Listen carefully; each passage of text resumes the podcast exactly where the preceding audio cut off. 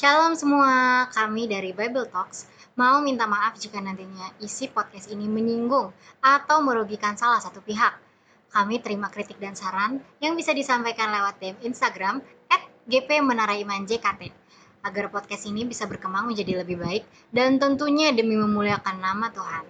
Terima kasih rekan pemuda, selamat mendengarkan. Shalom, selamat malam semuanya. Balik lagi di malam ini podcast dari GP Menara Iman, yaitu Bible Talks Volume 3. Di sini ada gue host bersama host co-host gue yang paling yang paling dapat diandalkan sama Menara Iman. Ada gue Sarah. Ya, Dan gua Alex. Malam ini uh, membawa dua narasumber paling dapat diandalkan juga di Menara Iman. Sambut dulu narasumber kita yang pertama Itu orang nomor satu se-GPB Menara Iman Gila Lek Lu seneng banget gak sih ketemu nih orang malam ini Lek? Akhirnya, Akhirnya setelah di booking dua bulan juga. datang juga Ya ampun Uh, narasumber kita yang pertama yaitu Pak Pendeta Charles Halo, Malam Pak Pendeta malam. Malam Sarah, Alex, selamat malam. Dan di sini ada narasumber kita yang kedua. Gila. Ini katanya katanya nih, Lek. Ini KKPT paling terkenal se-Mupel Jakarta Timur, Lek. KKPT paling KKPT paling tua kan? paling tua ya. Dan Oh enggak enggak. oh iya. di sini ada narasumber kita Tolong yang dong. kedua. Wakil Ketua Persekutuan Taruna, Lek. Ya ampun, ini bookingnya juga tiga bulan nih. Di sini ada Kak Brian Liogu. Hai Kak Brian. Shalom semua.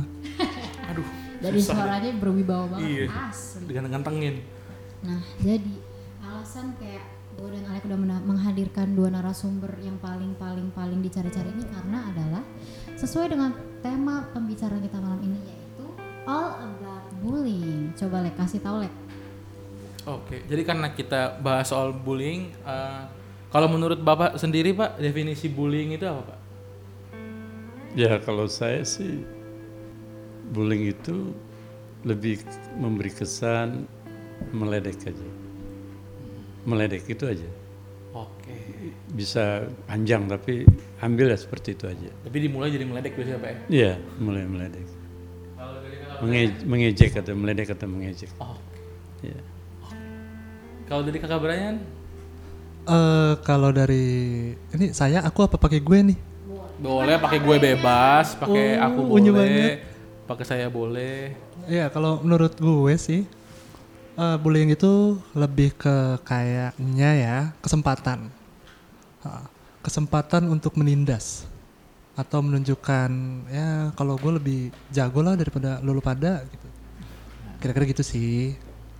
Oke. Jadi kalau menurut KBBI, eh, bullying itu adalah penggunaan kekerasan, ancaman, atau paksaan untuk menyalahgunakan atau mengintimidasi orang lain. Jadi gitu. Ya yang kita tahu juga bullying kan nggak cuma verbal tapi juga bisa non verbal, bisa Betul. pakai kekerasan langsung, atau bahkan kadang-kadang ya orang kan juga tersakiti lewat omongan ya nggak sih? Banget banget. Setuju banget itu. Oke, jadi karena kita sudah ngasih tahu soal tema dan narasumber kita, nggak pakai lama, kita langsung masuk ke pertanyaan-pertanyaan yang sudah kita kumpulkan saja. Oke. Shall we masuk ke pertanyaan pertama? Oke, Pertanyaan pertama ini eh, buat Pak Pendeta dulu nih yang pertama. Jadi Pak Pendeta, apakah di Alkitab ada contoh kasus bullying dan bagaimana sih tokoh di Alkitab tersebut dapat mengatasinya? Banyak sekali contoh dalam Alkitab. Tapi harus lihat konteksnya, ya. Dan saya lebih cenderung memberi contoh untuk Tuhan Yesus saja. Supaya kita mengerti kenapa sampai seperti itu. Pada saat Yesus saja mengajar orang bullying dia. Ini kan anaknya tukang kayu. Masih seorang anak tukang kayu bicara seperti ahli Taurat, bicara seperti ahli-ahli agama begitu. Terus pada saat Tuhan Yesus disalibkan, diejek. Kalau engkau anak Allah, kenapa engkau menyelamatkan dirimu? Apa maksud mereka kayak begitu ya? Sampai menyatakan itu. Dan menurut saya itu bukan soal menindas saja, tapi mengurangi kewibawaan Yesus.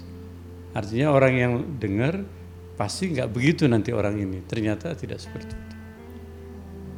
Kayak ada niat eh, mempengaruhi pendapat orang lain terhadap Yesus gitu maksudnya Pak? Ya Orang-orang pasti yang pasti. Oh. Misalnya kayak begini nih, ini Brian nih contoh.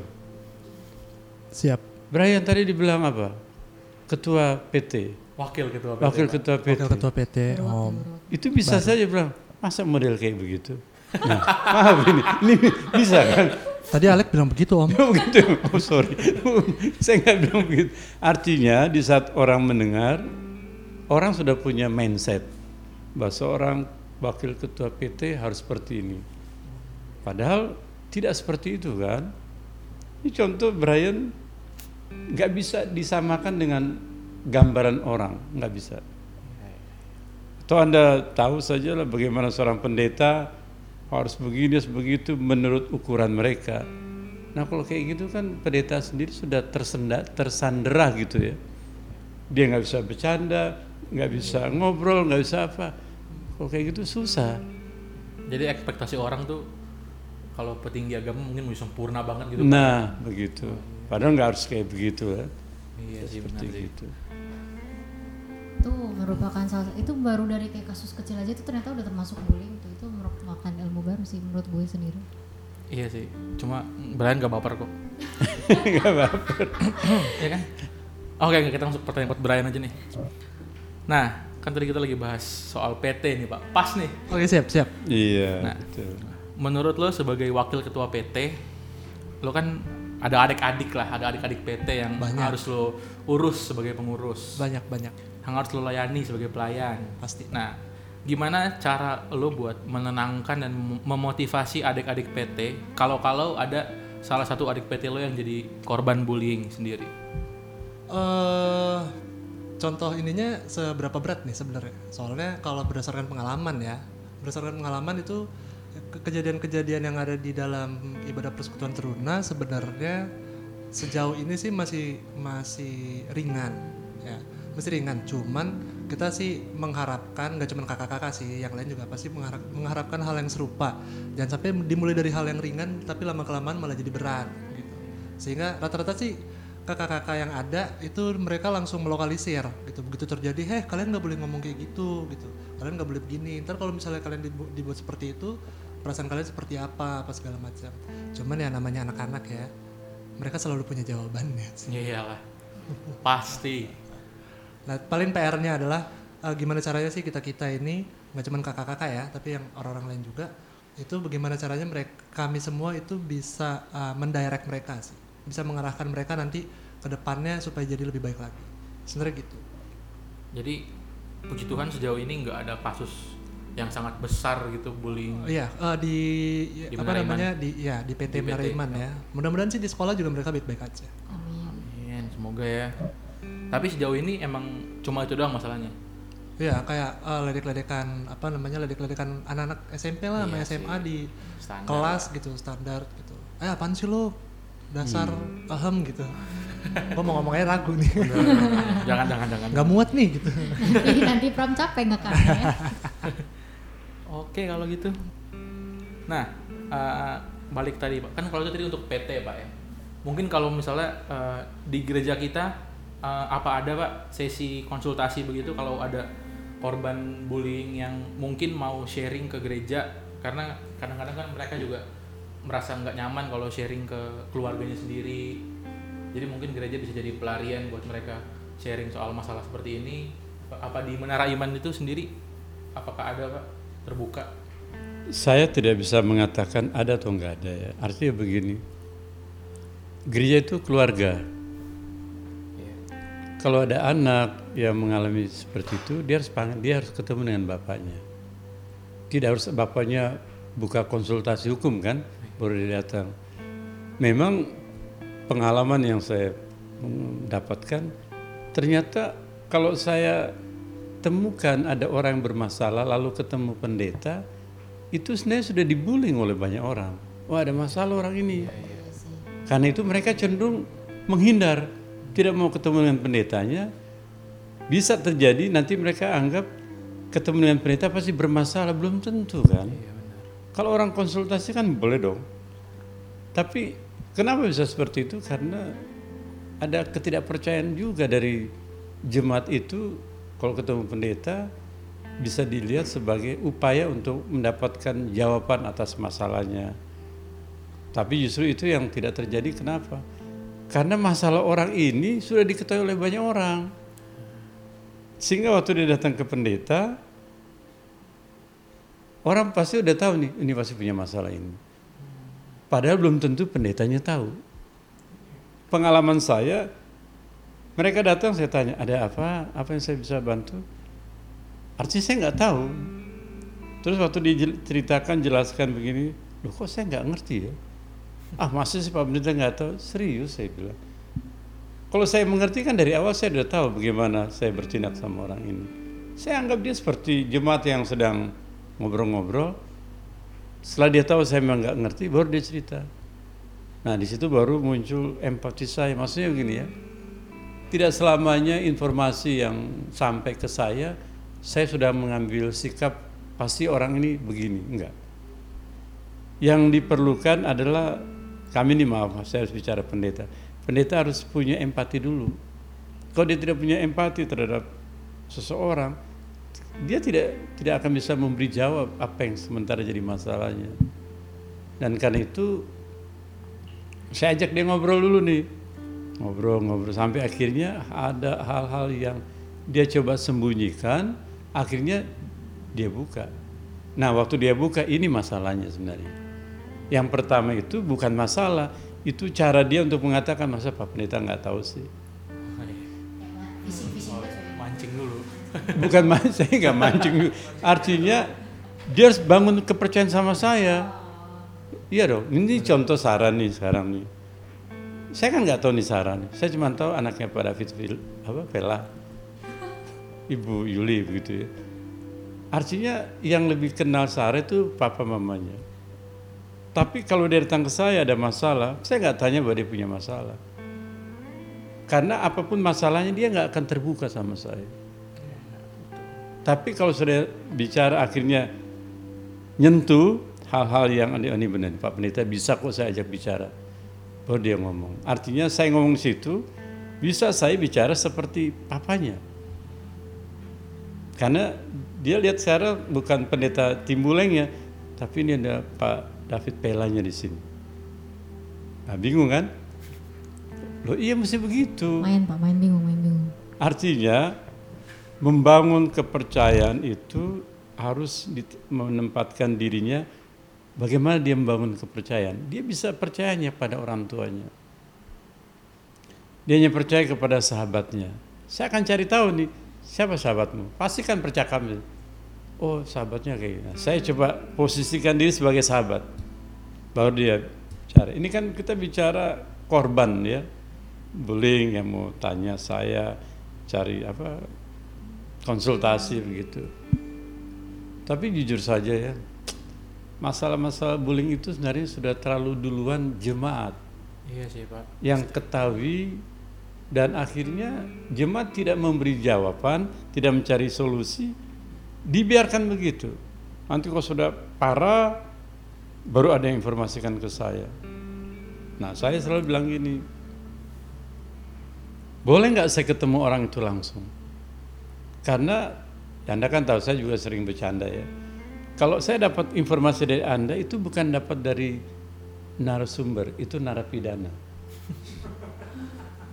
saya mau dapat narasumber, orang itu narasumber. Walaupun saat ini dia jadi narapidana karena dibullying. Ya, saya nggak mau. Bukan saya tidak setuju atau tidak percaya pada yang memberi informasi. Saya lebih berkenan, lebih senang kalau langsung ketemu yang bersangkutan. Mungkin juga nggak tahu kan.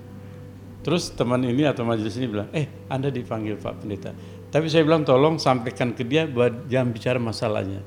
Anggap saja saya ada ngomong lain-lain gitu. Betul, ketemu. Ada apa Pak Pendeta? Oh enggak, saya aja ngomong-ngomong-ngomong-ngomong-ngomong. Baru dia, oh rupanya Pak Pendeta mau sudah tahu masalahnya. Ya karena dapat informasi kan. Akhirnya mulai terbuka. Sudah artinya kalau sudah terbuka seperti itu, saya nggak perlu orang lain yang akan menjembatani. Kan orang ini sudah upayakan kan, tapi sekarang ketemu langsung.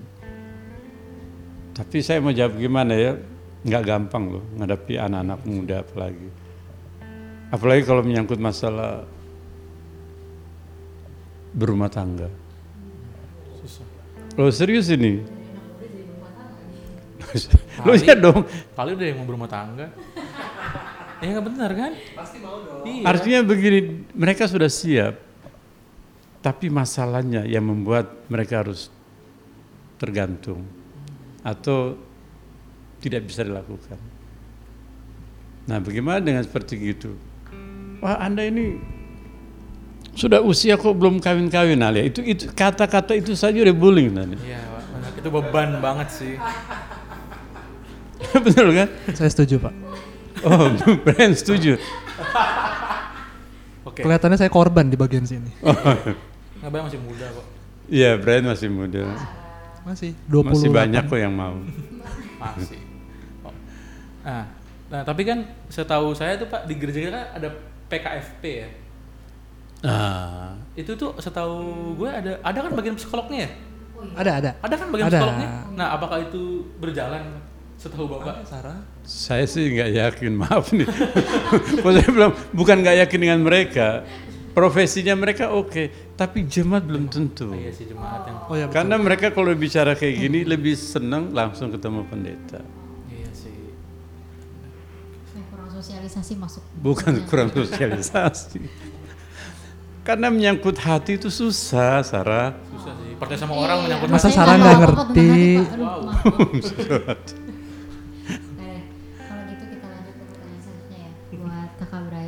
saya lagi nih. Iya. Oh, Kebetulan gimana? narasumbernya cuma dua jadi ganti-gantian. Oh iya lupa saya. Keren saya host juga. Jadi menurut Kak Brian sendiri nih, eh, Hmm. apa aja sih bullying yang sering terjadi di kalangan pemuda sekarang? Terus kayak gimana cara kita deal with it gitu? Gimana cara kita kayak menghadapi bullying-bullying seperti itu? Oh banyak, banyak banget. Kalau menurut gue sih, eh, kita durasinya berapa sih? Dua jam apa berapa ya? Lima juga di upload ntar sama prom. Santai. Nggak salah gini. Paling eh, sebenarnya banyak banget kejadian. Cuman ada beberapa yang sangat sering terjadi, sangat sering banget terjadi. Eh, yang paling paling common itu kayak kejadian eh, apa sih sebutannya body shaming gitu loh. Iya kan? Body shaming itu sering banget kejadian di di kalangan muda ya, di kalangan muda tuh sering banget kejadian. Eh, mungkin buat beberapa orang itu kayak lucu gitu, tapi buat si orang tersebut kan belum tentu gitu, kayak gitu-gitu.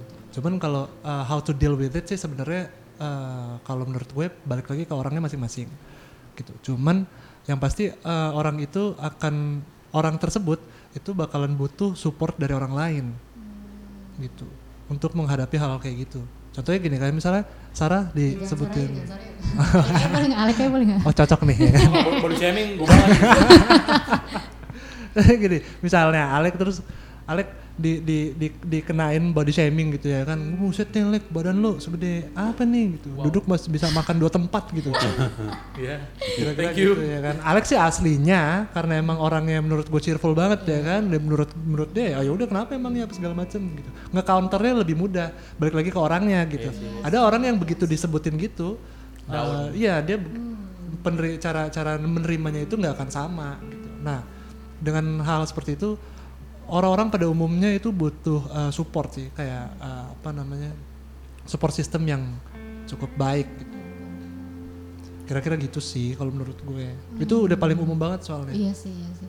Jujur kalau misalnya body shaming itu uh, bukan body shaming aja kalau bullying apalagi sesama teman deket tuh yang paling sering karena kayak biasanya orang yang nyaman gitu kan teman-teman sekitarnya Iya. kan. Kadang-kadang kok kalau orang yang kena dibully gitu tuh mereka bingung ini kayak nih orang yang keterlaluan apa kayak gue yang terlalu sensitif ya gitu. Karena ada orang yang kayak pan sih lo gitu. Terus Iya, iya. dibalik dibalikin lagi kayak pan sih lo baper banget Ella orang cuma Iya, bercanda itu, itu doang. sering banget kejadian Wah itu bikin pusing sih jujur. itu sering banget kejadian bikin- Dan walaupun misalnya kayak orang-orang cheerful kayak kayak Alek yang kayak cuma bisa senyum-senyum ketawa-ketawa, tapi kan kita nggak pernah Hmm, tahu kan kayak di dalamnya tuh bisa jadi dia nggak pernah lupa akan kayak hal-hal apa yang dikatain ke dia gitu. betul setuju tuh- banget karena kan belum tentu lo, lo, lo pada itu tahu isi hatinya dia tuh kayak gimana Iya, sih iya, gitu iya, iya. Kalau gue sih dikatain gendut nggak pernah baper. Dikatain jomblo biasanya gue. Gue lebih sensitif aja sih. tapi kalau itu kan nggak perlu dikatain lek kenyataan Orang iya orang sih, orang iya. bener. Oh, Oke. Oke. lah. Tapi kalau menurut lu, Bra, ini nambah segi cyberbullying. Ini juga lumayan banyak terjadi sih di kasus di kalangan pemuda. Jadi cyberbullying tuh kayak uh, misalnya orang ngepost sesuatu di Iya, Instagram ha, ha. dan tiba-tiba orang pada ngejek mereka di, di kolom komentar kayak bilang apaan sih lu ngepost foto kayak gini so cantik lu so ganteng bla bla bla bla bla bla kan itu juga ya di, di kalangan pemuda paling banyak sih. Iya iya iya. itu gimana tuh Eh, menurut gue sih cara dealingnya juga sama ya. Maksudnya balik lagi ke orang ke, ke orang itu tersebut gitu. Maksudnya ya kayak lo seberapa seberapa terbuka diri lo untuk menerima hal seperti itu gitu. Karena kan itu resiko bisa dibilang resiko dalam bersosial media ya kan. Apa pun itu platformnya ya kan. Eh, ya sebenarnya kalau misalnya kayak gue gitu nerima kayak gituan ya mungkin gue akan biasa aja kan. Gue bilang ah dia ngomongnya cuma di sini beraninya gitu atau mungkin itu bisa menjadi sumber apa sih namanya uh, sumber motivasi gitu kalau emang oh kok ngomongnya kayak gini kayak gini gini gini? Berarti gue mesti ini lebih baik lagi gitu misalnya. Kira-kira kayak gitu sih. Oh dasar lu gendut misalnya. Berarti oke gue akan lebih gendut lagi misalnya gitu. Nah betul betul betul betul betul. Dasar lu kurus berarti gue akan lebih kurus lagi mungkin kayak gitu ya kan nggak tahu juga sih. Cuman maksudnya ya how to deal with it itu balik lagi kepada orang tersebut sebenarnya. Kira-kira gitu. Tapi ya biasanya yang cyberbullying itu somehow lebih jahat Pak Pendeta. Hmm. somehow iya. Karena entah kenapa benda ini yang namanya handphone orang hobi sekali melihat Alek apalagi. Mm-mm. kadang-kadang itu lebih keras daripada bullying asli ya apa personal gitu yang langsung lebih seru emang oh gitu ya enggak Heeh. kenapa bisa Berpengalaman banget kayaknya, Lek. iya gue sih nggak pernah Gue sering banget serius deh enggak soalnya ada akun-akun beberapa akun di Instagram tuh yang mancing gitu buat di komen Oh, jujur, jujur gue beneran pernah ngeliat Alek living hate comment gitu sih. enggak Kayak enggak apa? Lu ngarang lu. Enggak enggak enggak Sumpah pernah. enggak enggak Sumpah pernah, sumpah pernah. eh, tapi hate comment sama bullying nggak sama loh.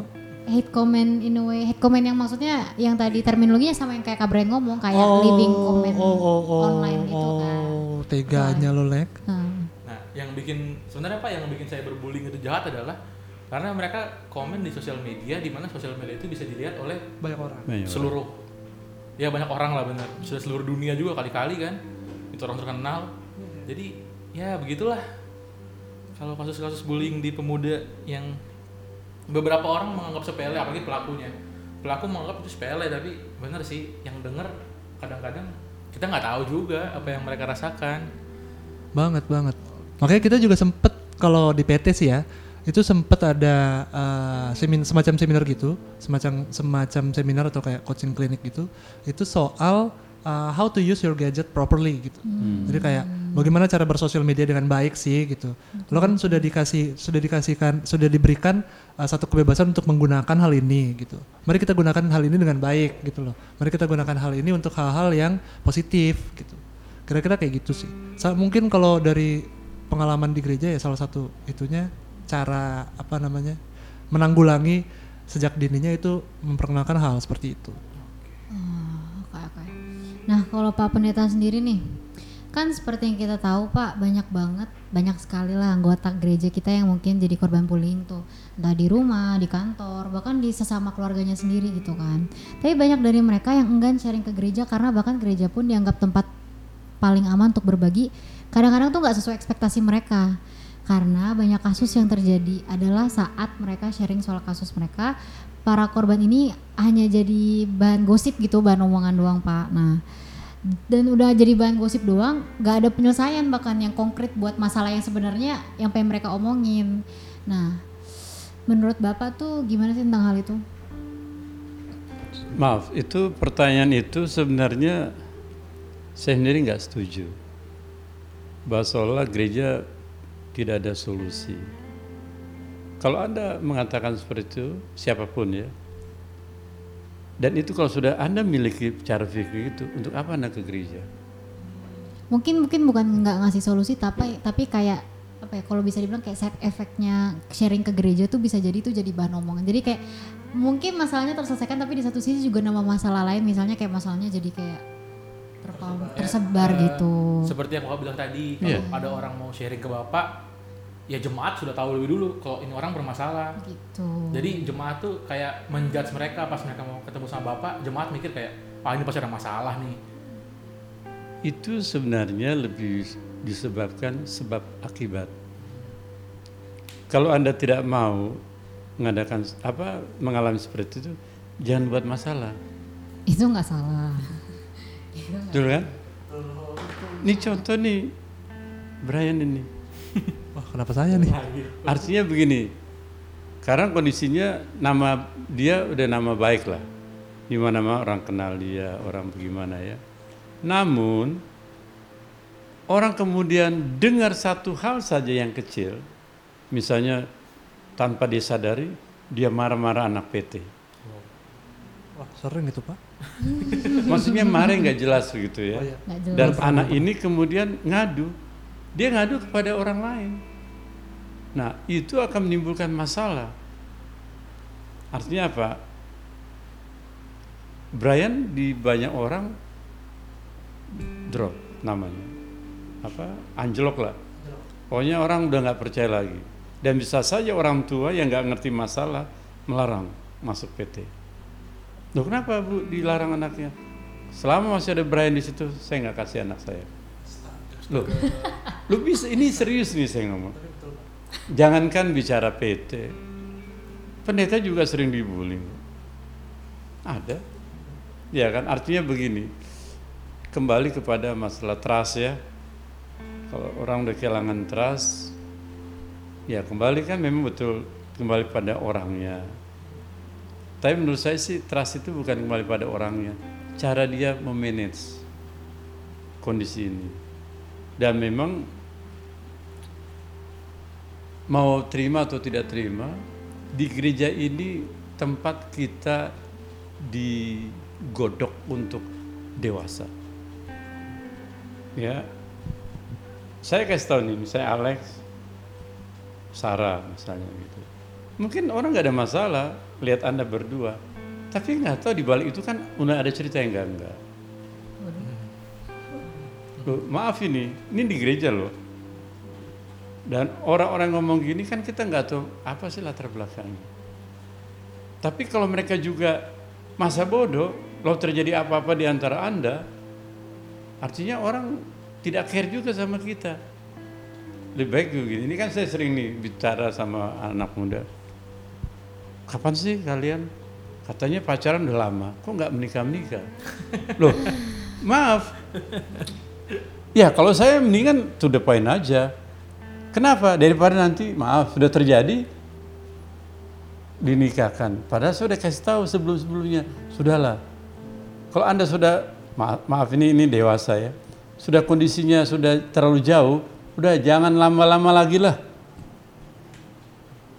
Di sinilah saya mengatakan bukan hanya bicara pertanggungjawaban terhadap orang lain, pertanggungjawaban diri sendiri.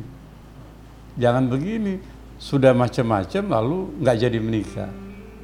Di mana-mana kalau sudah bicara seperti ini kan yang korban pasti ceweknya. Ya enak benar laki ini. Betul kan? Nah saya kira ini akan jadi bullying yang nggak pernah selesai.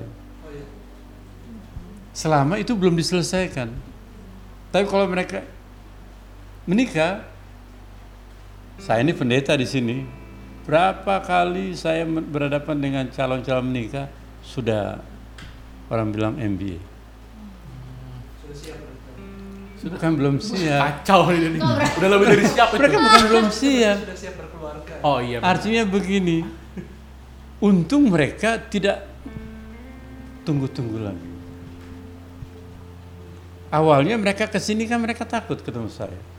Apa pendeta mau? Iya kan? Tapi waktu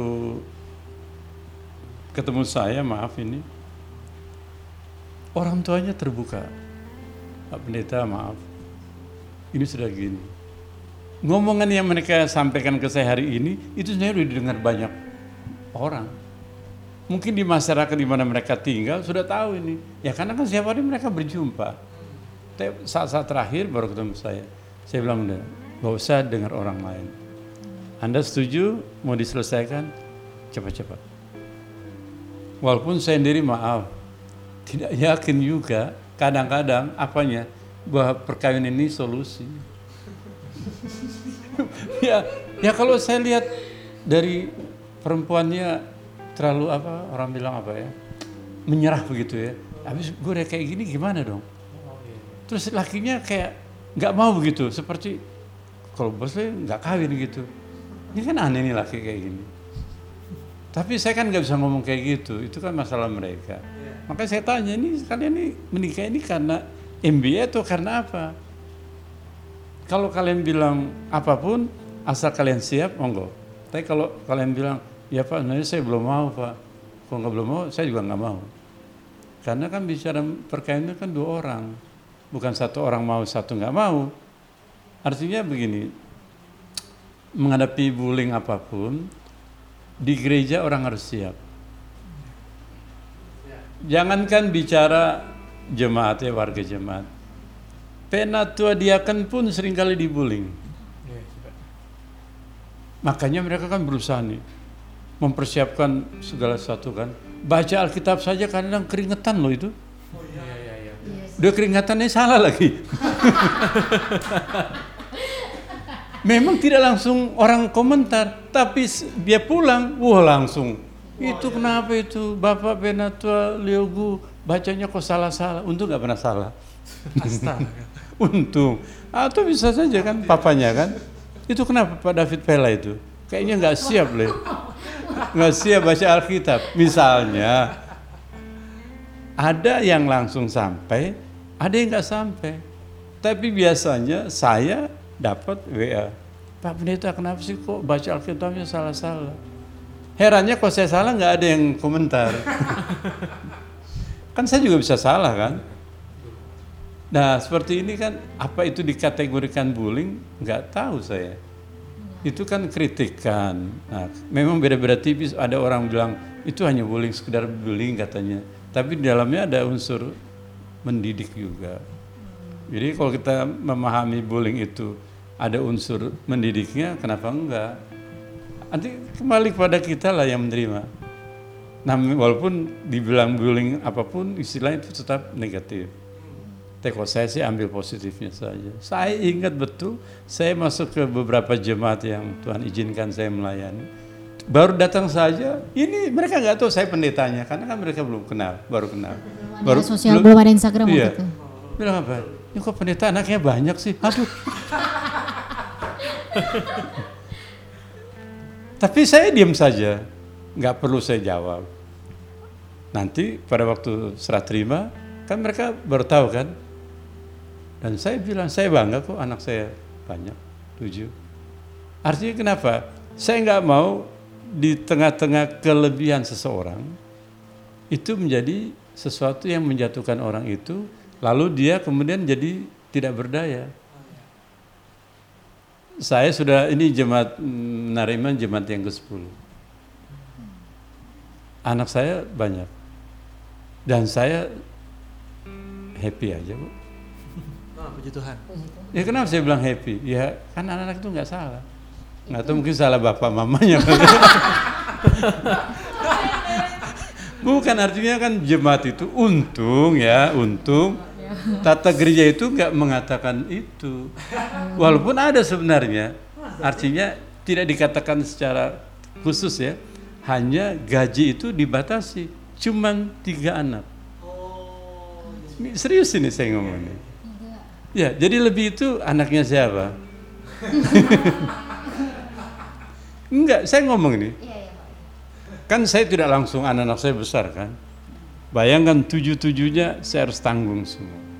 Tapi gaji itu hanya tiga yang ditanggung. Dan saya percaya pasti ada berkat Tuhan. Amin. Saya punya keyakinan seperti itu. Amin. Walaupun anak-anak kadang-kadang bisa juga pertama-tama berontak gitu ya. Kalau mereka di tengah-tengah jemaat, karena kan mereka tinggal di pastori. Pastori kan kalau keluar kayak gini ke mana-mana mau keluar ini, kan ketemu banyak orang. Orang tanya itu nomor berapa itu? Iya kan? Saya bilang sama anak-anak saya, sudah itu anda syukuri loh. Ya ada an- anda anak pertama ada sampai ketujuh, nggak usah anda malu. Yang jelas orang tahu anda adalah anak pendeta. Dan puji Tuhan, di tengah-tengah situasi itu support jemaat itu luar biasa. Menara Iman. Ini menari iman, bukan cuma menari iman juga Wow, lah. Sarah, wow. Menara Cepet. Imannya yang ditekanin Pak. Menara Iman Oh, iya, iya, iya.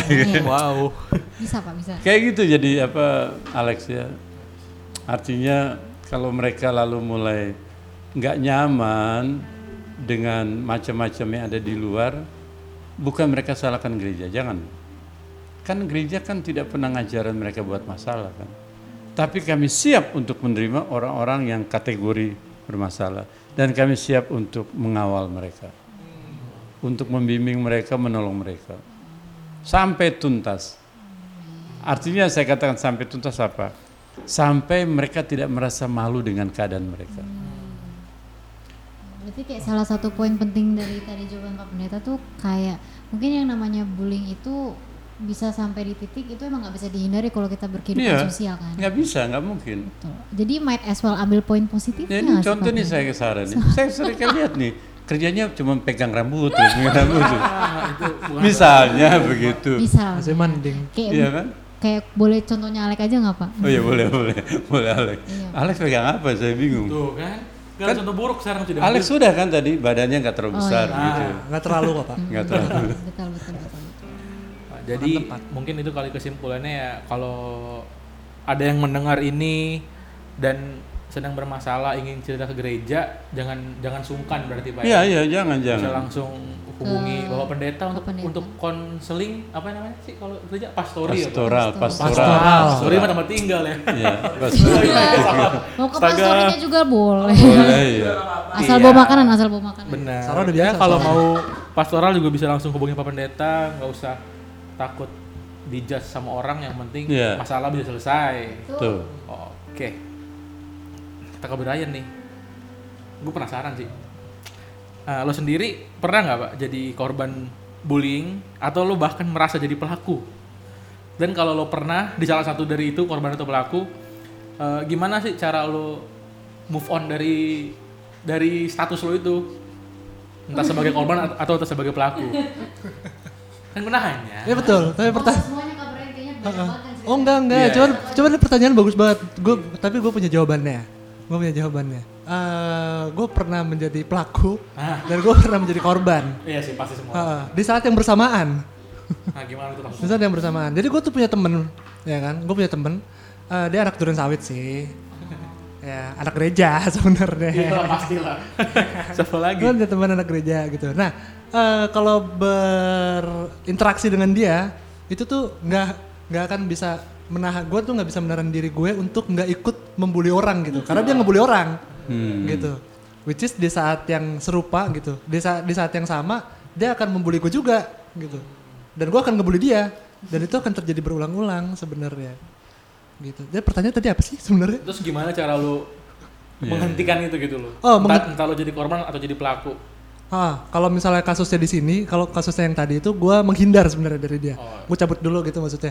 Aduh udah nih udah nggak bener nih gitu, cabut dulu ya kan. Ntar pas balik udah udah mulai normal di kepalanya baru balik lagi gitu sebenarnya. Eh, menurut gue jatuhnya sebenarnya lingkungan sih mungkin. Iya sih. Heeh. lingkungan gue rasa. Kan kebiasaan baik. Apa sih ayatnya lupa lagi gue. Apa? Apa ayatnya? Pergaulan yang baik, Pergaulan yang baik, ah, Pak Pendeta. pergaulan yang buruk merusak kebiasaan yang baik, Pak ya. Oh iya, Ah, pergaulan Alek. yang buruk. Ya, itu. Benar, Ya, benar, iya, benar, susah. benar, benar. Jadi kayak begitulah. Cuma bener sih, banyak kalau kalau gue pribadi juga pasti begitu sih. Kalau misalnya lagi nongkrong terus udah nggak bener gini omongannya, Iya kan? gue sih tetap nimbrung. So- sama Enggak, somehow gitu. Pas gue kadang-kadang gue diem, gue gue nggak bisa cabut nggak enak kalau cabut gue diem. Somehow Ya udah gitu. diem aja lah. Cuma ya serba salah sih, karena setiap tongkrongan pasti ada aja satu Iya. makhluk yang bawaannya bully orang terus. Waduh. Banget. Kayaknya nggak bisa napas kalau nggak ngebully orang Pak Pendeta. Saya juga bingung. Padahal Tuhan memberikan nafas kehidupan, bukan nafas Asik. pembulian. Kayak bingung dengan diamnya kita, apakah berarti kita membiarkan orang untuk melakukan kayak eh, bullying depan kita? Apalah harusnya kita sebagai kayak anak-anak Tuhan GPW Menara Iman. Harus terang ya. Iya, harus jadi terang banget kan. Kayaknya mesti stand up Apa- gitu. Apakah, apakah kita dengan diam kita bersifat pasif kan? Iya, serba salah. Karena kalau kita ngomong juga dia nggak bakal denger. Itu nggak salah. Tapi kalau dengerin juga telinga kita panas. Ah, bener, cabut cabut dari paling bener cabut. Yang paling bener sih Ah. eh, sejauh ini ya kalau kayak gue sih ya gue cabut, Cabut gitu. deh, Gue cabut cabut dulu deh. deh. Kayak udah nggak bener nih. belum ada jawaban Gak apa-apa lah sekali-kali menghindar gak apa-apa udah. gitu. Daripada Soalnya abis kadang-kadang yang kayak gitu udah dibilangin ya. Soalnya, ah udah udah bro, udah bro, jangan begini terus gitu. Eh terus ntar dia malah, ya lah udah begini begini begini gitu. Terus tambah lagi, tambah lagi malah makin menjadi gitu. Masalahnya lucu kadang-kadang. Itu Gitu. itulah yang Jadi dosa nih guys. yang dilihat sepele sama orang kadang-kadang bullying itu jadi lucu. iya. Saya nggak tahu banget ya ya. Iya, saya nggak tahu itu jatuhnya dosa nggak sih Pak Pendeta? Justru mindset-mindset kayak gitu tuh yang benar-benar awal mulanya bullying Alek. Enggak. Lu kayak gak pernah aja mengetawakan seorang yang sedang dibully. Gak mungkin lu gak pernah sar. Pasti lu pernah. Karena ada yang lucu gitu entah kenapa. Emang itu salah cuma kayak aduh kok kita nggak bisa nggak bisa nggak ketawa gitu ya. Iya, nggak bisa nahan Astaga. gitu. Aneh banget, aneh banget. Wah, udahlah daripada ntar kita ngomong makin ke mana-mana ya kan. Tau jadi kayak kita ngebully orang, orang. orang jadi membuli ini ya. Oke, oke Pak. Nah ini ini pertanyaan yang mungkin banyak orang mau tahu sih Pak. Jadi kan belakangan ini sedang marak kasus rasisme ya di USA dan dampaknya itu sampai ke seluruh dunia.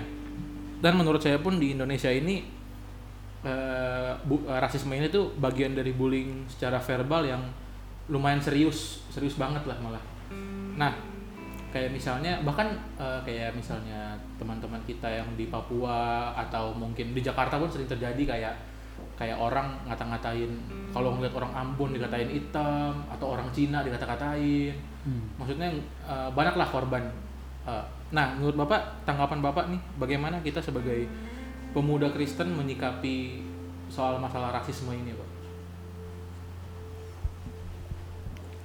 Dari terminologi rasis itu, sebenarnya itu kan menunjukkan jati diri kita.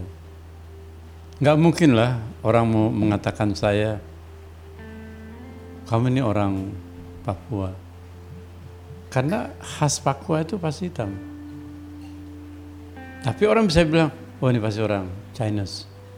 Karena mereka pikir saya putih kan, tapi mereka kan nggak tahu kalau saya Manado misalnya kayak gitu.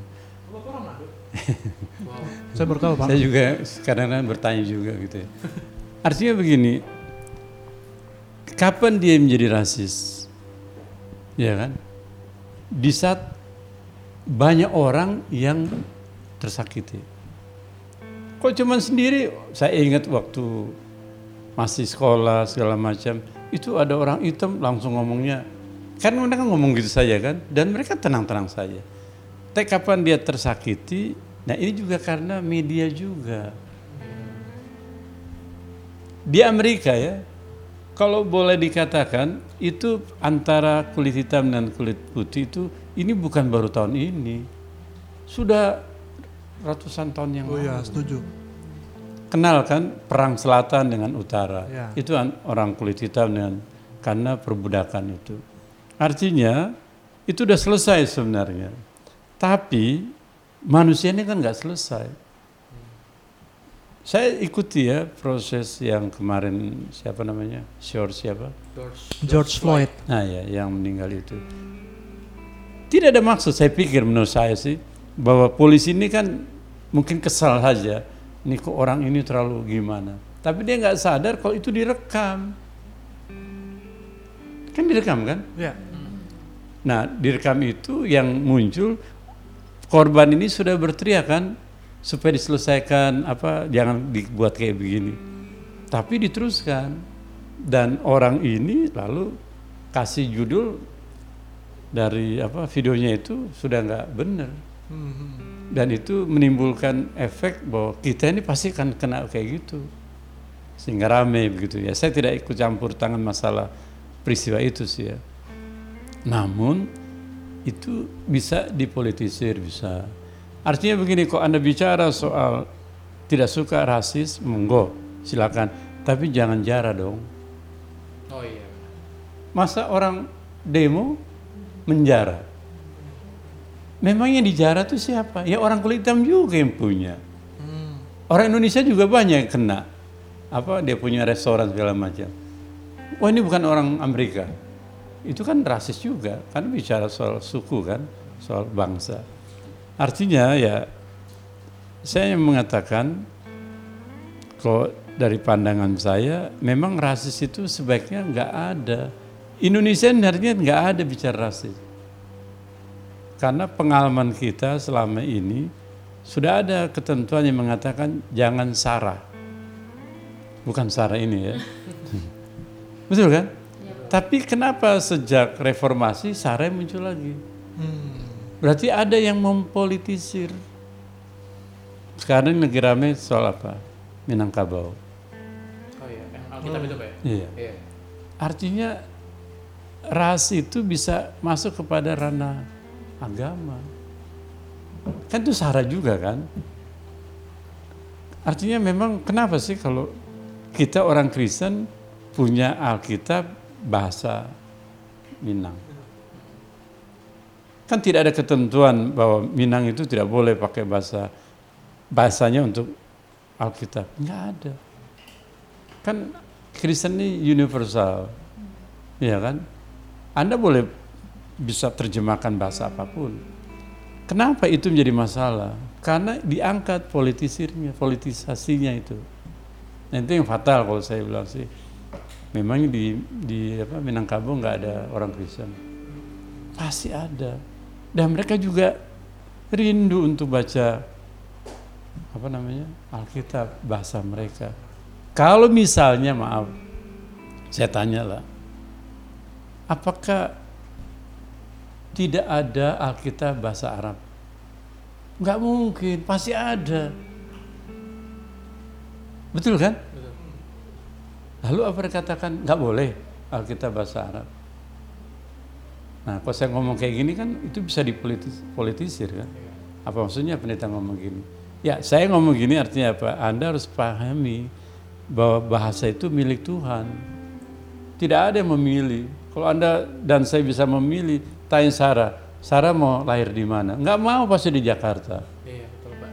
Sekarang mah maunya di Maunya di mana? Korea Selatan apa Korea Utara? Ini nggak tahu lah saya. Ditanya mau jadi orang apa? Mungkin dia pikir kok saya sih bisa jadi orang Amerika. Memang di Amerika nggak ada masalah, ada. Di mana pun anda tinggal ada masalah. Yang penting bagi kita adalah di mana pun kita ada dan berada, kita harus bisa menyelesaikan masalah dengan baik. Ya kan? Jadi kalau anda tanya tentang ras, itu kan dimulai juga nanti bisa jadi dari bullying gitu kan. Setiap kali ketemu orang yang agak berbeda gitu, kita ngomong yang nggak bagus kan nggak bisa. Untungnya di gereja tidak ada seperti itu. Puji Tuhan. Itu saya bilang untungnya. Untungnya. Kenapa? Karena gereja itu gereja segala bangsa, segala ras. Kalau ada bilang orang Manado tukang makan babi gitu, tapi mereka tidak akan pernah jadi babi, itu saja. Lo bingung kan? Kadang-kadang kan ada orang orang Manado tuh tukang makan babi, tapi nggak ada yang bilang jadi babi, enggak. Kok waktu anda bilang kayak babi aja, itu udah bullying gitu. Bingung kan kayak gini kan?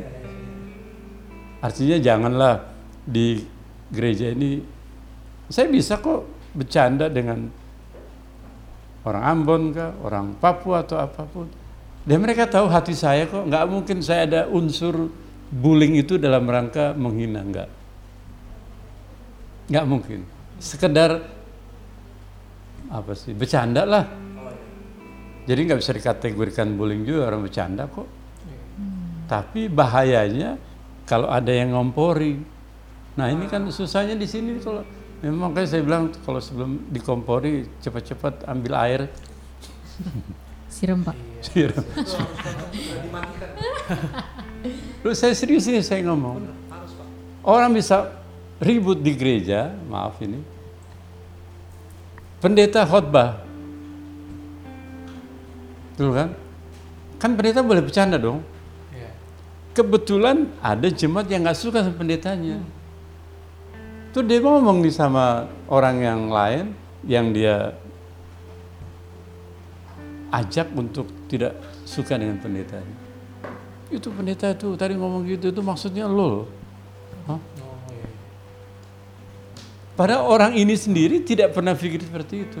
Tapi karena setiap Saat di Dikomporin terus ya, Pak? kompor kompori, udah ribut. Akhirnya pecah gereja. Apa yang pecah? Bukan pecah gimana? Karena sudah bicara ras.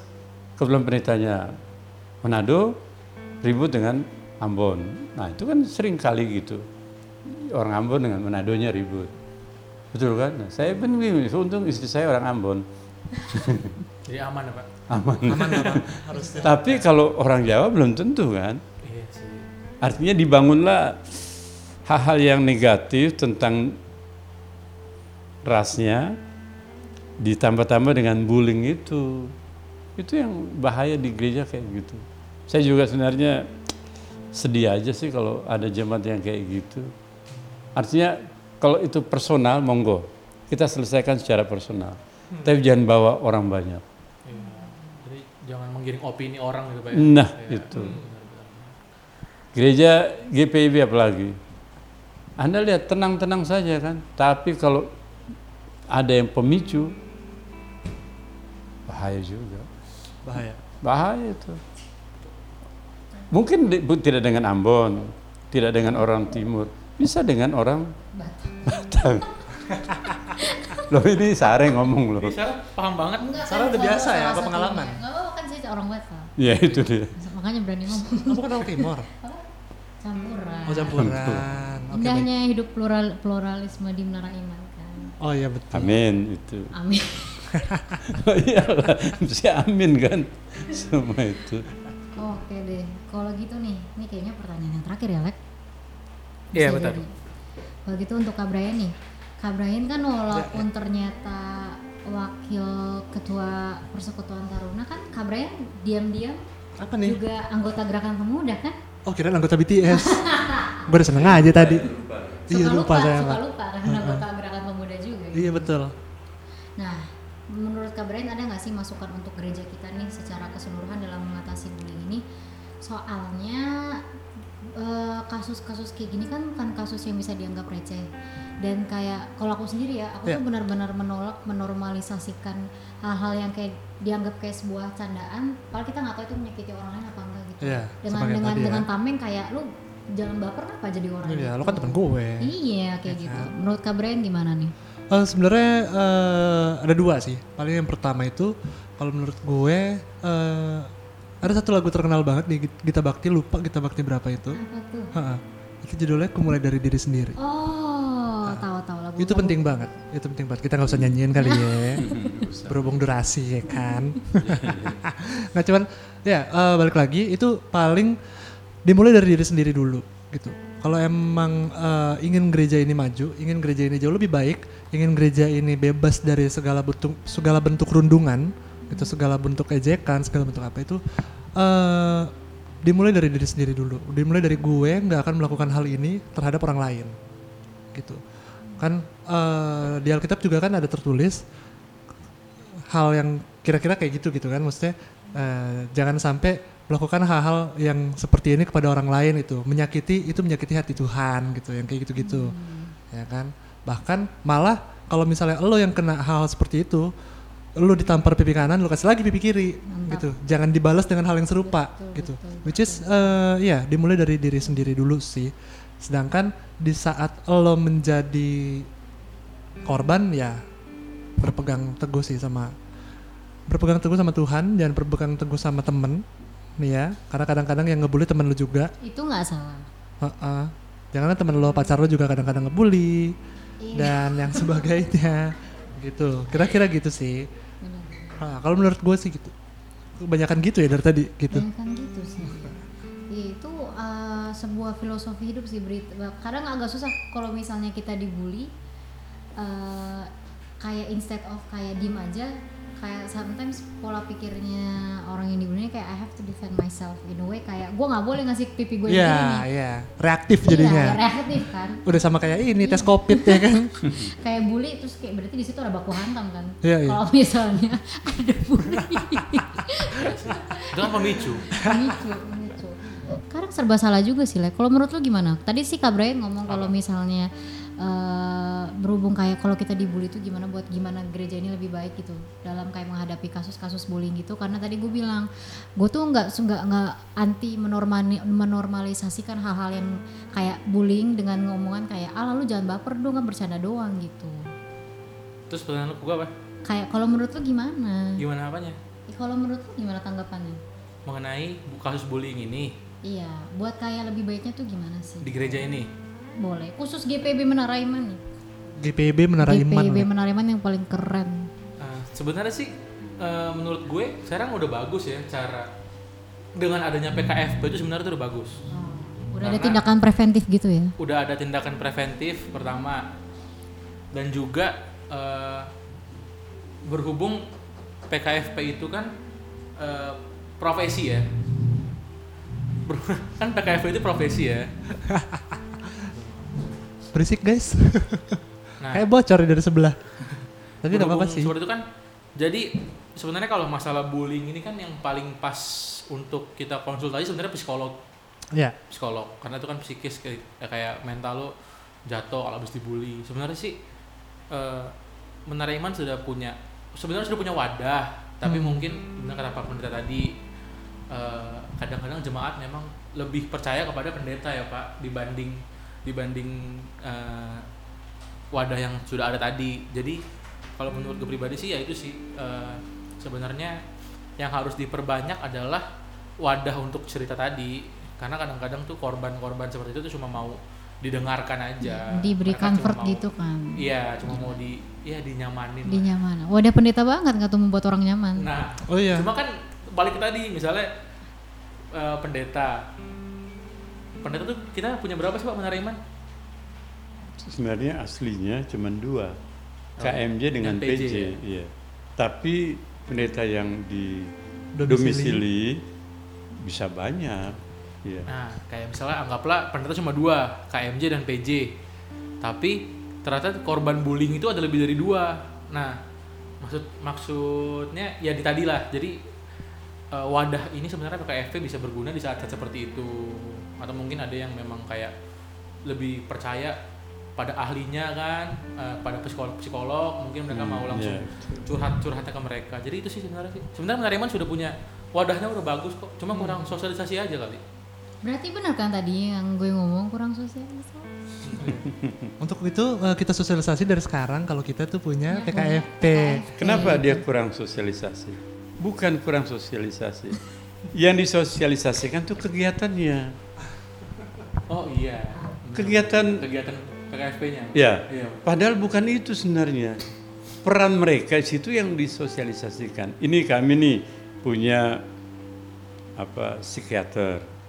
Gunakan mereka. Bukan nunggu program mereka enggak. Kita enggak enggak manfaatkan sayang sayang sayang aja. Kurang dimaksimalisasikan Kurang dimaksimalkan. gitu. Ah, Jadi untuk jemaat Kurang diberdayakan gitu. Kurang jemaat yang mau mencari sudah kenyamanan ini, gitu.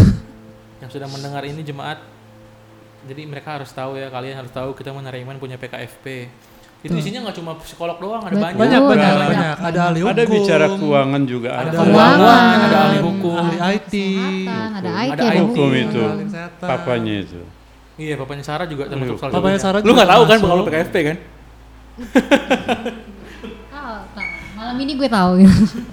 jadi itulah sebenarnya nah karena kita sudah mulai sudah cukup membahas masalah bullying ini jadi sebenarnya eh, kesimpulan yang bisa kita ambil di obrolan tadi ya pertama ya kita memang nggak bisa menghindari bullying itu sendiri ya pak ya itu pasti akan terjadi di mana pun lah even di gereja pun itu ada kemungkinan besar bisa terjadi. Dan ya kita juga harus dan kalaupun memang kita nggak bisa menghadapi bullying itu sendiri maksudnya kita nggak kita nggak kuat lah. Kalau kita cuma sendiri ya mungkin eh, bisa manfaatkan wadah yang ada di gereja atau bisa langsung konsultasi atau curhat ke pendeta soal masalah-masalah yang sedang dialami. Ya intinya itu tadi sih benar memang eh, korban itu ada banyak dan kata Brian tadi juga benar kayak ada beberapa korban yang mungkin santai cuma ada beberapa korban yang yang akan take it serious. Jadi kayak ya langsung ngedown banget mentalnya setelah dibullying. Jadi itu sih mungkin kesimpulannya ya kalau dari yang gua tangkap tadi ya pertama jangan takut cerita ke orang lah. Karena emang kadang-kadang kita kan hidup mau cuma sendiri. Hmm, iya. Uh, mungkin bisa ke teman atau bisa ke keluarga atau tadi kita balik lagi bisa uh, gereja juga bisa sebagai sarana untuk Betul. mengeluarkan uh, permasalahan tadi. Iya. Nah, kalau dari Pak Pendeta sendiri mungkin ada closing statement Pak kayak Iya, saya hanya pesan satu saja. Apa pun yang Anda dan saya hadapi tentang bullying, ingat jawaban cuma satu, kasih. Ya cuma itu saja kok. Di gereja ini nggak bicara soal lain kok. Kasih-kasih. Makanya kan saya kasih contoh satu ayat Alkitab saja ya. Ini Efesus 4 ayat 32 menyatakan apa? Tetapi hendaklah kamu ramah seorang terhadap yang lain, penuh kasih mesra dan saling mengampuni. Sebagaimana Allah di dalam Kristus telah mengampuni kamu.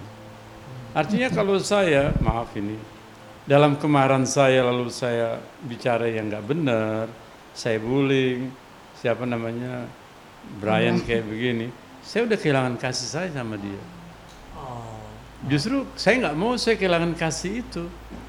Saya mungkin masalah sama dia, tapi saya harus tunjukkan enggak, saya tetap mengasihi kamu loh. Mungkin saya nggak suka kelakuannya. Misalnya contoh, Saya Kalau juga beneran juga nggak apa-apa. saya juga nggak Enggak, suka kok enggak. Pak. juga nggak apa-apa Kak Brian. Saya juga nggak suka kelakuan saya Pak.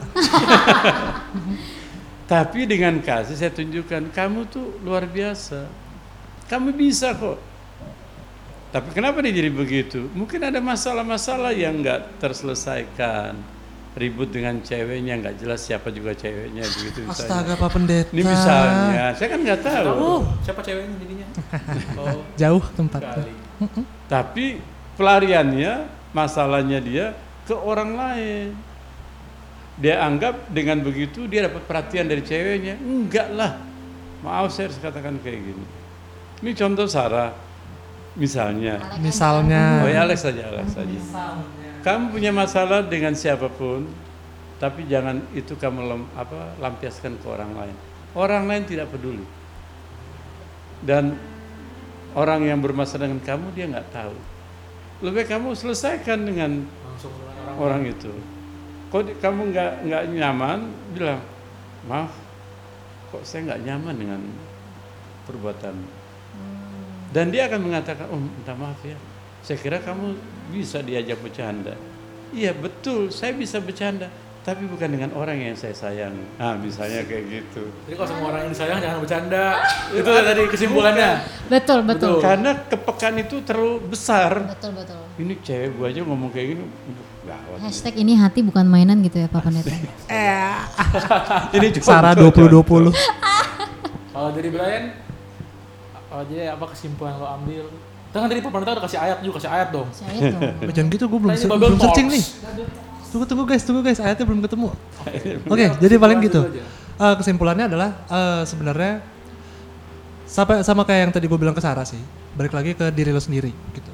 Eh, jangan sampai lo membuat orang menjadi eh jangan sampai lo memulai membuli orang gitu.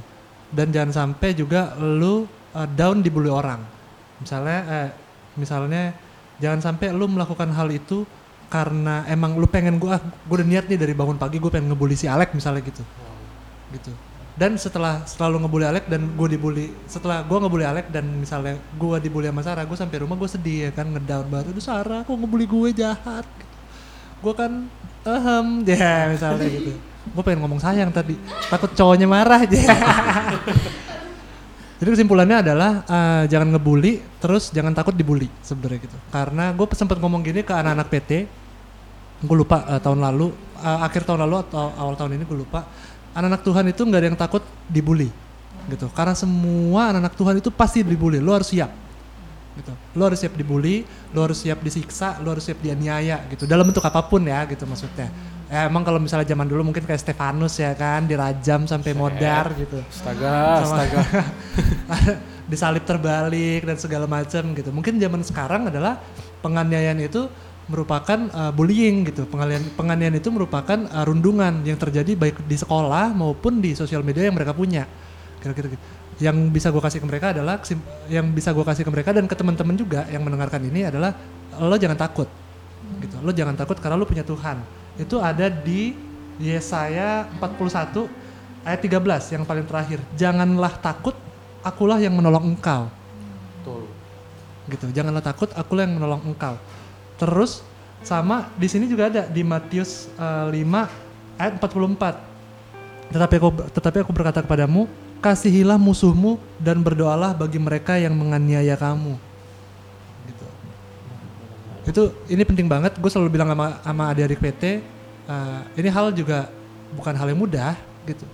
Tapi mari kita mulai sama-sama gitu. Karena lo nggak akan bisa melakukan hal ini kalau lo nggak melangkah.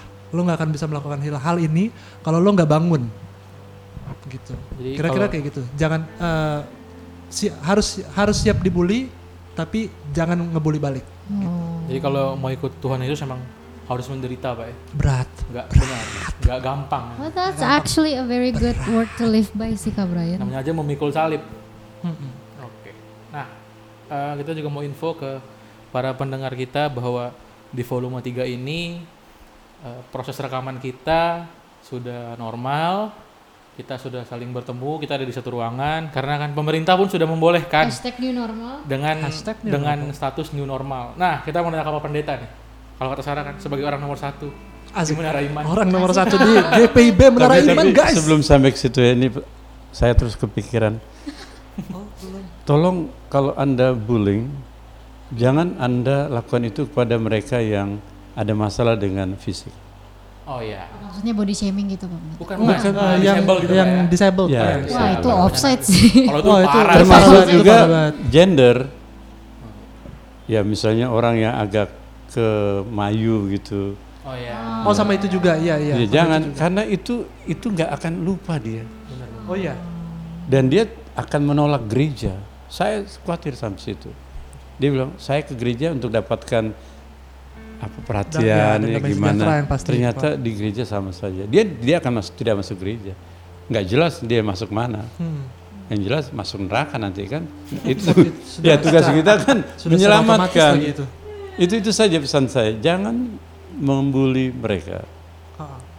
Kalau Anda lihat ada yang yang kurang, kasih penghargaan mereka.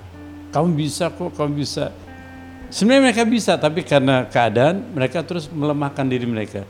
Itu tugasnya kita, pemuda apalagi. Pemuda kan sering kali, maaf kalau yang kayak model Sarah sih, di mana ada Sarah banyak orang. Tapi kalau ada yang cewek misalnya yang gimana, orang nggak mau dekat. Kenapa? Ya mungkin orang ini ada kekurangan, tapi di gereja nggak boleh bicara kekurangan kayak gitu. Dia pemuda loh, kita harus bawa dia. Serangkul dia. Ingat nggak siapa penyanyi siapa itu yang terkenal yang lagu apa, yang dia juga ada kelemahan dari fisik itu, yang nyanyi untuk apa apa KKR itu siapa? Oh. Tapi kalau dia nyanyi keren. Iya. Dan setiap kali ada KKR, dia selalu tampil. Itu saya salut. Di tengah-tengah orang melihat kelemahan fisik yang luar biasa, tapi dia tampil. Dan kalau dia nyanyi, siapa orang merasa bangga gitu. Itu itu yang dibangunlah pemuda. Jangan Anda suruh orang yang nggak bisa berdoa karena dia malu dengan fisiknya. Anda percaya nggak kamu bisa berdoa. Dan dia, saya yakin dengan doanya dia bisa jadi berkat banyak orang.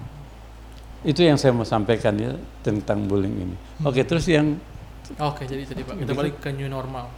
oke, Di Menara Iman, jadi bagaimana penerapan new normal di GPB Menara Iman ini, Pak? ya artinya new normal ini sampai hari ini juga masih belum belum dipahami benar ya. Yang kita tahu bagaimana supaya kita bisa ke gereja. Betul kan? Bagaimana kita bisa beribadah? Bagaimana kita bisa seperti sebelum COVID ini? Yang ada tiga hal yang saya mau sampaikan. Satu, COVID ini tidak selesai. Nah, karena tidak selesai, pemerintah lalu menganjurkan kita berdamai. Artinya apa? COVID ini ada di antara kita nih. Tapi bukan berarti lalu saya di rumah terus. kita coba beraktivitas tapi dengan pembatasan-pembatasan. Contoh ya sebelum apa Covid ini kan kita kumpul. Sekarang mungkin kumpul tapi tidak semua orang. Lihat kepentingannya. Kayak kita nih ber berapa berapa satu dua tiga empat lima ini. Udah kalau cuma lima orang ya lima orang aja. Kalau kita mau kumpul sampai 100 orang ngapain gitu? Bukan kita tidak mau kumpulnya, ini soal keselamatan kita, kesehatan kita.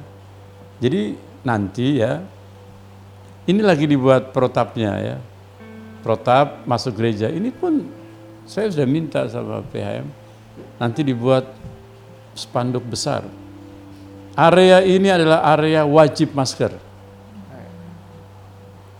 Walaupun kadang-kadang saya pendeta suka lupa juga. Bukan lupanya gimana, saya baru keluar udah kepanasan, masuk gereja lagi, pakai lagi, aduh. tapi tapi saya lihat orang masuk pa- pakai masker, saya malu juga, ya mestinya saya kayak contoh ya. mestinya begitu kan. Bukan suka lupa. Sarah.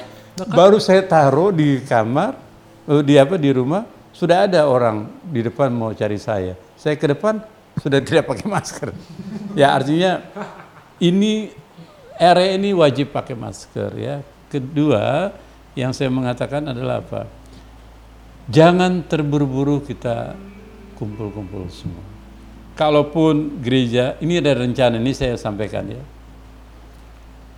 Tanggal 28 Juni ini ibadah mulai dibuka.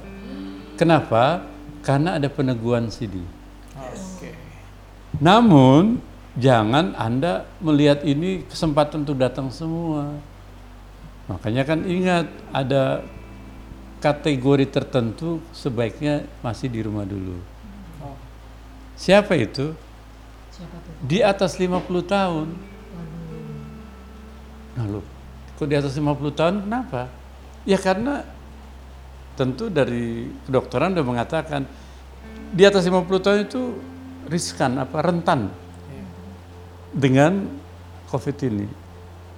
Dan sinode ada tulis, tulis apa turunkan pedoman kasih dua minggu ini kita batasi dulu. Kalau ternyata dua minggu, dua hari minggu ya maksudnya, tidak ada dampak, artinya tidak ada COVID, monggo. Yang tadinya ini boleh masuk gereja. Tapi jangan sudah datang lalu terjadi apa-apa, gereja ini ditutup loh. Makanya saya juga bergumul nih, bukan bergumul dalam doa saja, bergumul itu meyakinkan orang loh. Iya, makanya saya bisa lihat, misalnya Sarah datang hari Minggu, setelah tes apa suhu, ya suhu, ternyata 39, maaf Sarah, kamu pulang aja. Di mana saya sehat loh Pak? Iya saya tahu, tapi lebih baik kamu pulang. Karena orang lain yang nggak sehat gara-gara kamu. Jadi Sarah bikin gak sehat nih. Astaga. Bener. Nah, orang kan Senyumnya. susah nih di gereja nih. Kalau kita larang, mereka makin apa? Makin, Mau datang lah. ya makin tidak mau dengar begitu. Ya kalau saya sih cuma mengatakan oke lah. Paling tidak bukan pada saat anda ke gereja anda jaga kesehatan, di luar gereja anda jaga kesehatan. Nah ini kita tanggal 28 nih. Mulai hari ini coba anda mandiri dulu lah. Kalau anda sehat kan enak. Tapi kalau sekarang mulai mabuk-mabuk kan Wow. terus Alek, mulai Alek, Alek, sudah Alek, Lek denger lek. Astaga. ya kan? Sekarang sudah banyak yang terpapar OT, OTG. OTG, OTG. orang tanpa Orang tanpa gejala. tanpa gejala. Saya kan nggak tahu mungkin di antara kita ada bisa saja saya, Iya kan? Artinya saya harus jaga, bukan untuk diri saya saja, jaga karena saya mau berjumpa dengan orang. Jangan sampai orang ini kena gara-gara saya. Nah, sehingga salah satu diupayakan hari Minggu Anda masuk, Anda harus mendaftar. Sehingga nanti kalau terjadi apa-apa, ini tahu nih, ini barisan ini loh yang ternyata mereka sudah kena. Oh. Jadi cepat ditanggapi, cepat ditindaklanjuti supaya mereka langsung mandiri. Itu nggak gampang loh, gereja nggak pernah pakai absen-absen kayak gini. Saya lihat kesulitan di situ. Apalagi maaf, para lansia kita. Betul. Makanya waktu saya bicara new normal kan banyak pertanyaan dari lansia. Untungnya saya sudah lansia. Saya bilang tenang saja lah, saya juga lansia. Kalau saya termasuk kan berarti saya nggak boleh masuk gereja. Nggak mungkin kan? Ya kalau saya nggak masuk gereja asal gaji saya masih dapat nggak apa-apa lah. Tapi kan nggak mungkin saya ngomong gitu kan. Betul kan? Artinya Anda juga lansia bisa sehat kok. Tapi kalau dari awal sudah ada penyakit bawaan, ini yang harus Anda jaga. Misalnya, maaf, ginjal, paru-paru. Kan banyak anak-anak muda dulu perokok kuat, pas sudah masuk lansia, mulai lihat, ho, ho, ho, ho, ho, ho. Banyak itu. Betul kan? Nah sekarang mereka anggap nggak apa-apa kok Pak, sampai hari ini masih baik. Tidak, Anda nggak baik sebenarnya. Karena Anda pasti pernah periksa paru-paru Anda dan nggak bagus. Nah itu yang kami harapkan warga jemaat lebih dewasa lah menyikapi ini. Makanya kita tanggal 28 itu diharapkan hanya mereka yang mau CD dulu. Prioritas Tapi- om ya. Ya, tapi sudah terbuka ini untuk jam 6. Ya sudah lah kalau Anda bisa masuk jam 6, udah masuk jam 6. Jangan nanti jam 9 membludak. Aduh, saya juga nggak tahu lah. Nah, itu akan diminta pemuda loh. Oh Untuk iya, saya dengar tadi sih. Iya. untuk membatasi orang-orang ini. Nah, Anda lihat, Anda dapat berhadapan orang tua, hmm, nggak tahu lah saya nanti. Itu nggak salah. Tapi tadi saya baca di luar jemaat, jadi dibatasi sektor pak ya, sektor. Iya, tapi kan walaupun saya bilang begitu kan orang kan saya mau hari ini. Karena jam 9 apa jam 10 apa jam 7 nggak jam 5 sore nggak bisa, jam 6 pagi nggak bisa, hanya bisa jam 9. Dan saya mau hari ini. Hmm. Nah, itu pemuda harus hadapan mereka. Kan Anda nggak mungkin ajak berkelahi kan? Iya, dilema banget masa berantem gara-gara mau ibadah. Pasti kalah saya pak. Bukan soal kalahnya. Artinya orang tua ngomong ya dengarlah kita. Ya, itu maksudnya. Itu banget. Oke.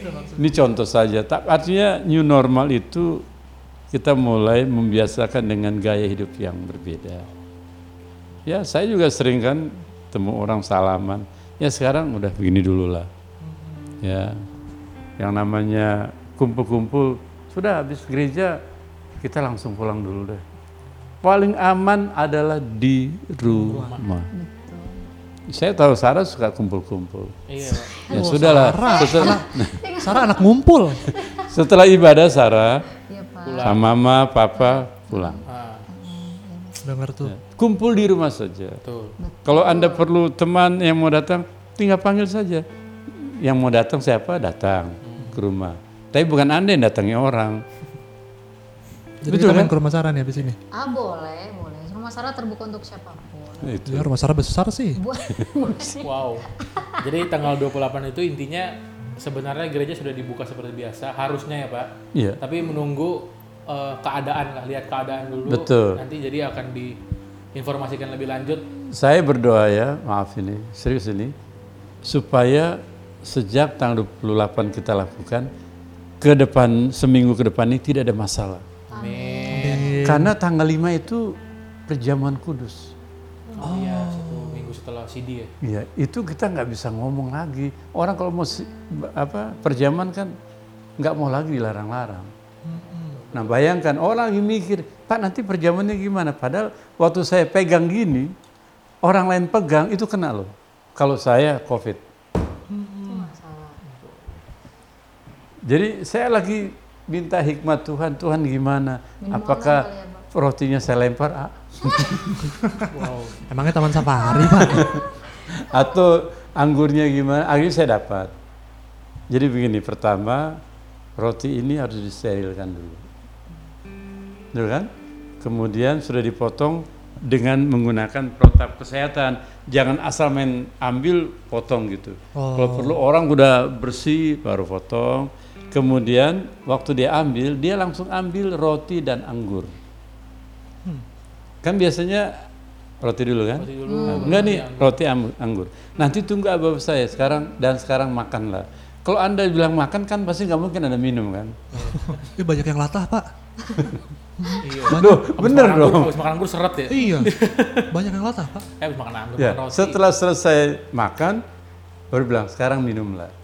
Artinya mereka udah pegang, tidak perlu lagi diedarkan karena sudah sekaligus. Dan majelis jemaat juga tidak akan melayani mereka secara awal seperti yang kemarin-kemarin. Biasanya itu. ya. Sekarang sudah harus new normal. Hmm. Yang penting perjamuan ini kan soal hati, bukan soal roti, anggur, Iya. soal hati kita. Nah kayak gitu ya. Nanti anda dengar saja dalam berita Harta Jemaat kan, sampaikan. Kami juga nan, ini masih terus nih apa terus apa Putar namanya? otak terus ya. Iya, cari yang terbaik tanpa mengurangi orang sakit jadi sakit. Itu saja. Oke. Oke. Oke deh, kalau begitu eh, sampailah kita pada akhir percakapan kita bincang-bincang Bible Talks malam ini. Kayak besar terima besar terima kasih. Banyak-banyak terima Sarah. kasih pokoknya. Banyak-banyak. Banyak-banyak terima kasih kita ucapkan buat narasumber eh, Bible Talks malam ini yang keren banget dan super busy di masa COVID-19 tapi masih kayak menyempatkan waktunya untuk jadi narasumber kita. Bilang makasih, Lek. Nah, jadi makasih buat Pak Pendeta sebagai narasumber. Terima kasih Alex sama Sarah. Sudah menyempatkan waktunya buat Oke. Kak Brian Sama. juga. Terima kasih Alek. Dan juga kita hari ini ada Michael. Yeay. Betul. Di episode 1 dan 2 banyak yang komen katanya audionya kurang. Nah, kita datangin Michael langsung.